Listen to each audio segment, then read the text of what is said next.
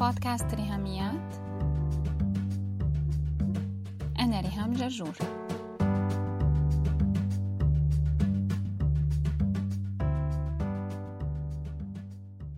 مرحبا. بالحلقة الماضية حلقة عشرة من بودكاست ريهاميات حكينا عن الكراكيب وثقافة التخزين وكان التحدي إنه نبتدي نخفف مقتنياتنا ونغير نظرتنا للأشياء وبالتالي نغير حياتنا لما نبتدي نلاحظ الفوائد المادية الملموسة والغير ملموسة للتحرر من الكراكيب الزايدة قلنا أنه رح نبتدي من الحافز أو القناعة الذهنية ليش بقتني الأشياء؟ حتى تخدمني طب هل هي عم تخدمني فعلا ولا أنا اللي عم أخدمها؟ في حدا مرة قال ينتهي بك الأمر أن الأشياء التي تمتلكها تتحول لأن تكون هي التي تمتلكك فعليا.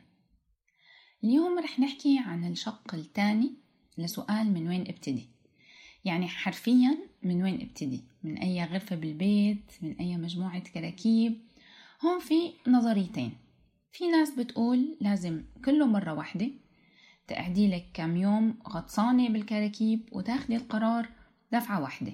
وان شوت حتى لو طول كذا يوم بس التخوف إنك لو وقفتي بالنص بتكسلي تيأسي وممكن تحتاجي لسبب ما يجي لك ضيوف تقومي ترجعي تخبي الغراض بسرعة قبل ما تكوني كملتي فرز وشغل. وفي اللي بيقلك slow but steady. امشي على مهلك بس حددي أهدافك للمدى البعيد. ومن ضمن الأفكار العملية بهالمبدأ إنك كل يوم تتخلصي من قطعة واحدة.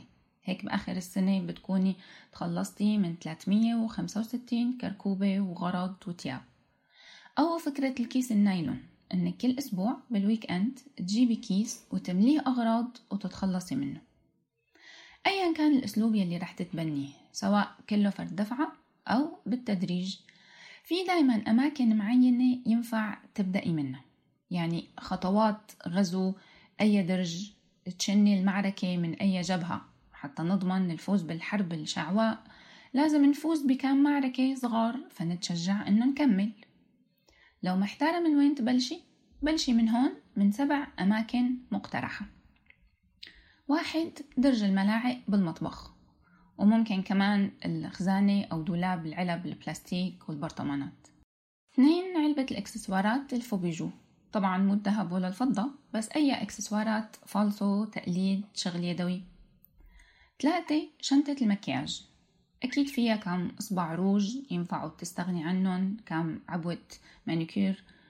أربعة درج الجرابات يلي فرداني ضاعت أختها واللي مخروم واللي بيعملك حساسية. خمسة رف المجلات ومنيوهات ال delivery وال take away من المطاعم. مع أطلب تقدر تطلب أكلك في أقل من خمس ثواني. حمل ال application وجرب دلوقتي. وكمان الكتالوجات وضمان الغسالة يلي خلصت مدته من عشر سنين. في كتير أجهزة ممكن نطالع الكتالوجات تبعها على النت. بدل ما نقعد سنين مخزنين ورق ما بحياتنا فتحناه أو استعملناه.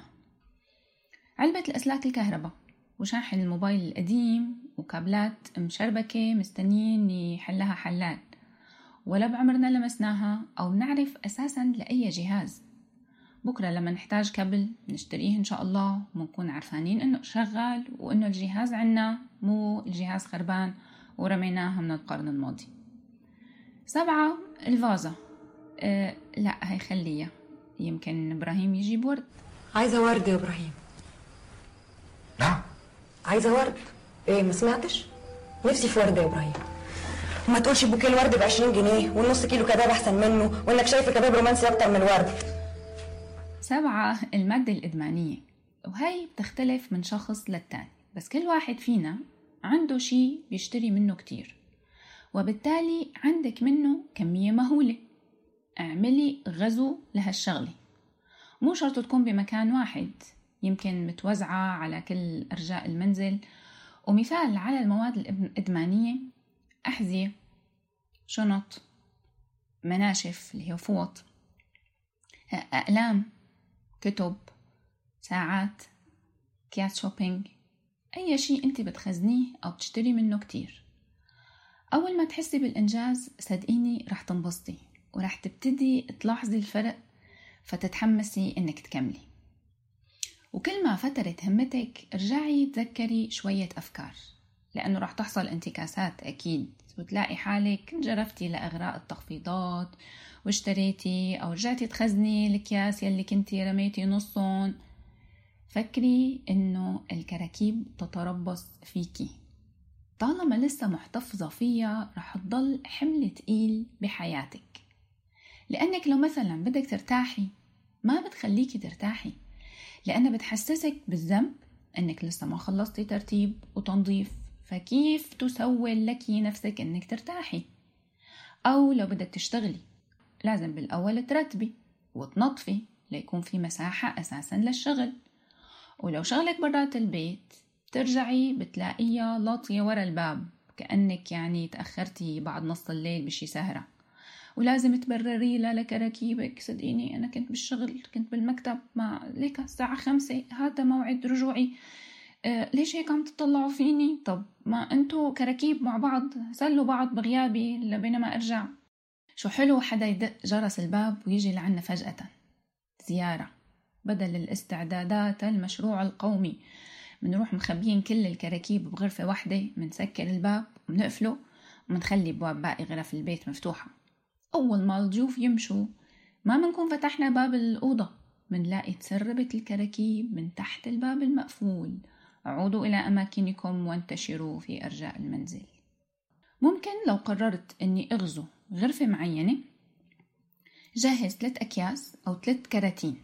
لازم كل أغراضي اللي بهالغرفة يتوزعوا عليها على هالثلاث تصنيفات أو ثلاث كاتيجوريز كرتونة للكب كرتونة للتبرع وكرتونة للاحتفاظ.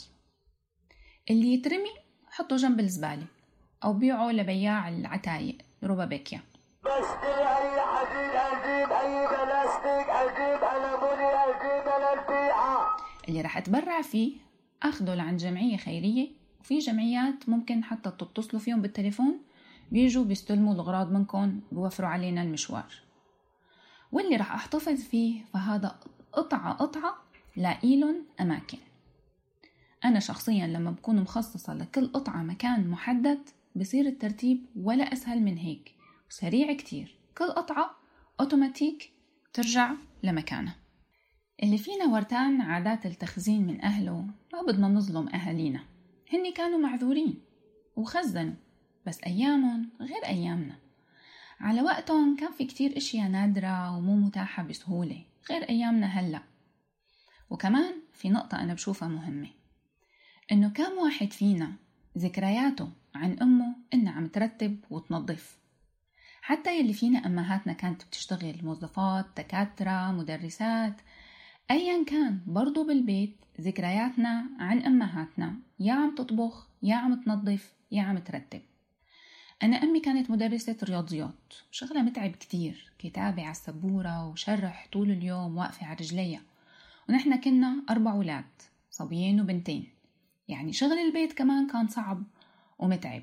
كنت دايما أسمعها عم تقول العمر بيخلص والشغل ما بيخلص. بدك هيك تكون ذكريات ولادك عنك؟ إنك عم ترتبي وتنظفي؟ أكيد لا. فخلينا نتشجع ونبتدي خطوات التخلص من الكراكيب.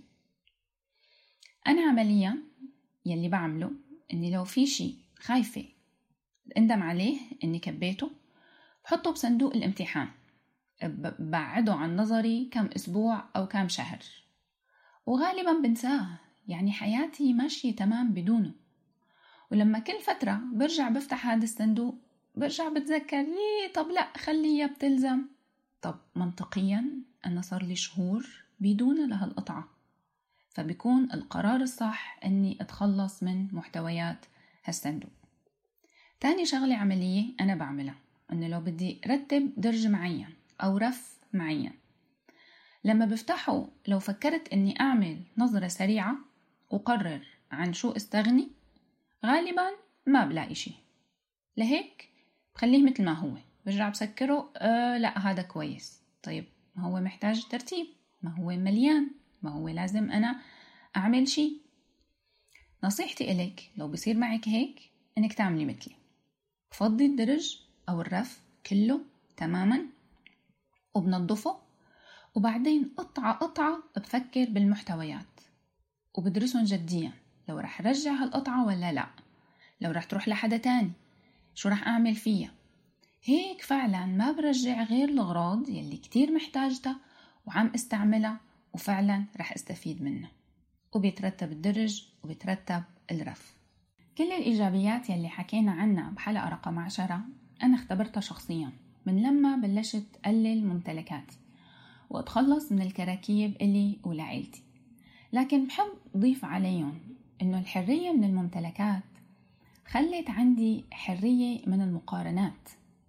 شالت من عكتافي حمل إني لازم ألبس أحدث موضة ولازم أشتري أجدد شنطة. مع أني بعمري ما كان معي ميزانية أعمل هيك فعليا. بس هو استعباد داخلي. لما دايما بقارن حالي مع أمهات بعمري وصلوا للأربعين أو حتى أصغر مني بالسن. لكن هذا التحرر خلى عندي نقاء ذهن لما بشتري شي إني فعلا أشتريه مو لأنه على الموضة. يمكن يكون على الموضة ويمكن لا. قرر إني ماني محتاجته أساسا وما رح أشتريه أو إني رح جيبه ستايلو كلاسيكي بسيط ينفعني سنين لقدام. بدل ما بعد كم شهر أو السنة الجاي لاقي موته خلصت وصار شكله قديم وأطلع صرفت مصاري بدون حكمة. هذا النوع من التحرر من المقارنات واحدة من الإيجابيات الكتير كبيرة من وراء أنك أنت تكون ممتلكاتك أقل وأقتنائك أقل حمى الشراء أقل ودائما عندك شعور بالامتنان والشكر لنعم وعطايا ربنا يلي معك. في كم فكرة خليهم ببالك انت عم تاخدي قرار التخلص من الكراكيب وعم تطبقي يلي تعلمناه أول فكرة أنه أفضل طريقة للتخلص من الكراكيب عدم اقتنائها من الأساس عدم إدخالها للبيت عدم شرائها هيك بنوفر مساحات أكتر وبنصرف مصاري أقل.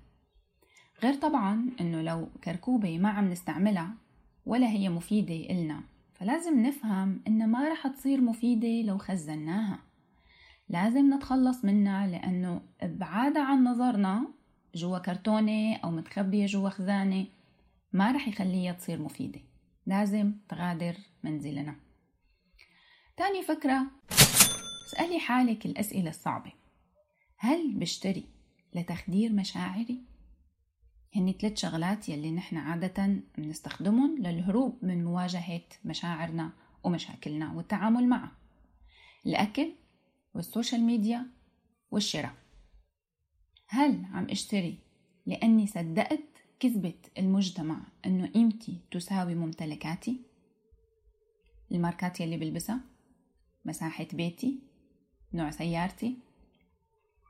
كل ما امتلكت أكتر كل ما كان اللي قيمة بنظر المجتمع أكتر والأخطر صار إلي قيمة بنظر حالي أكتر.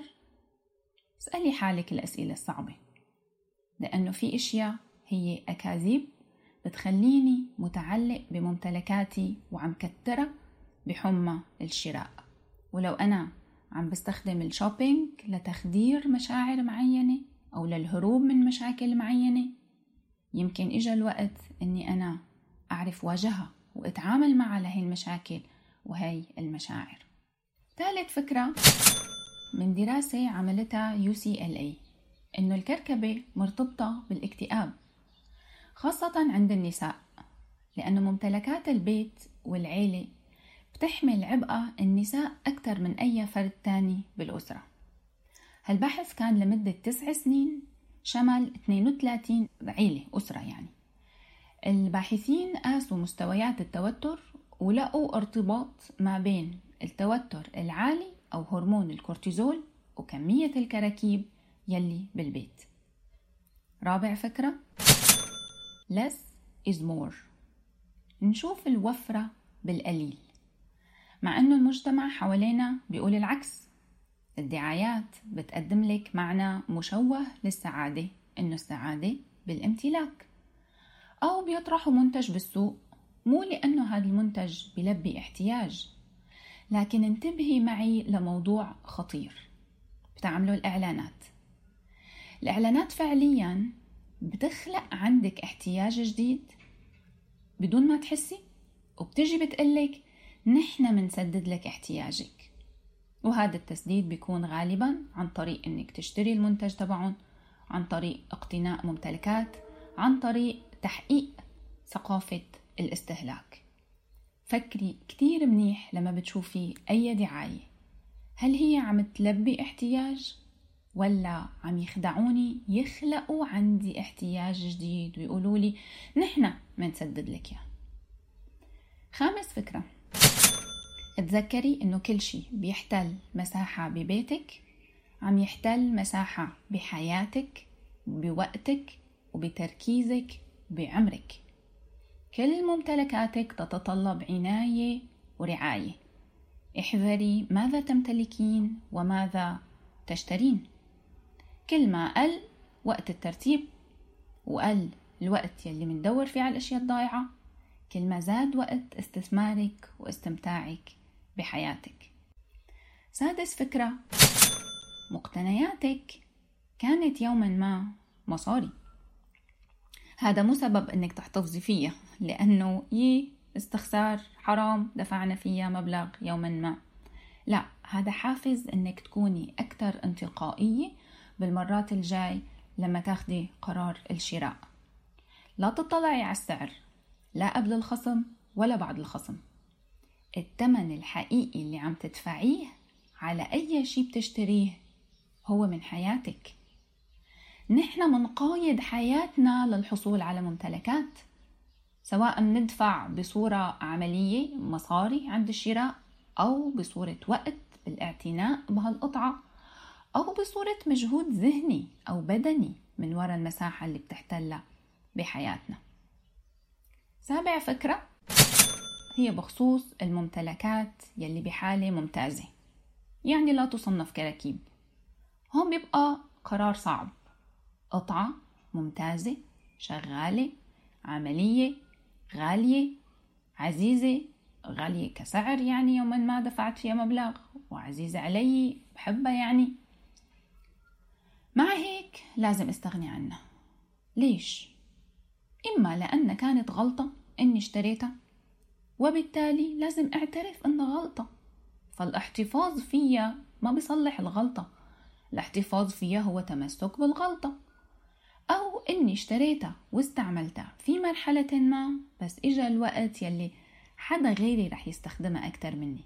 إجا الوقت يلي بطلت هلأ هي عملية ومفيدة وعم تخدمني.